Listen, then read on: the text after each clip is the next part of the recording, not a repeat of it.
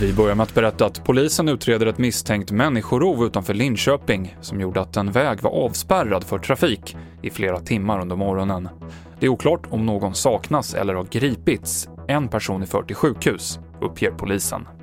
I Västernorrlands län så kan det komma upp till 70 cm snö från och med eftermiddag till natten till onsdag och SMHI utfärdar nu en klass 3-varning, vilket är den högsta varningsnivån. Och när det handlar om eh, kraftigt snöfall i kombination med rejält blåsigt väder så kan det bli stora trafikproblem till följd av det här. Då.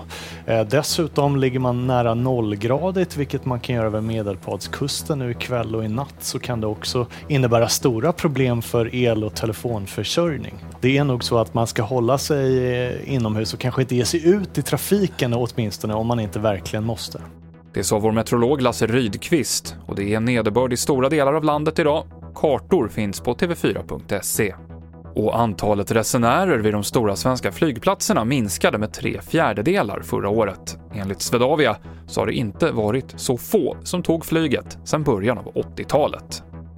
TV4-nyheterna med Mikael Klintevall.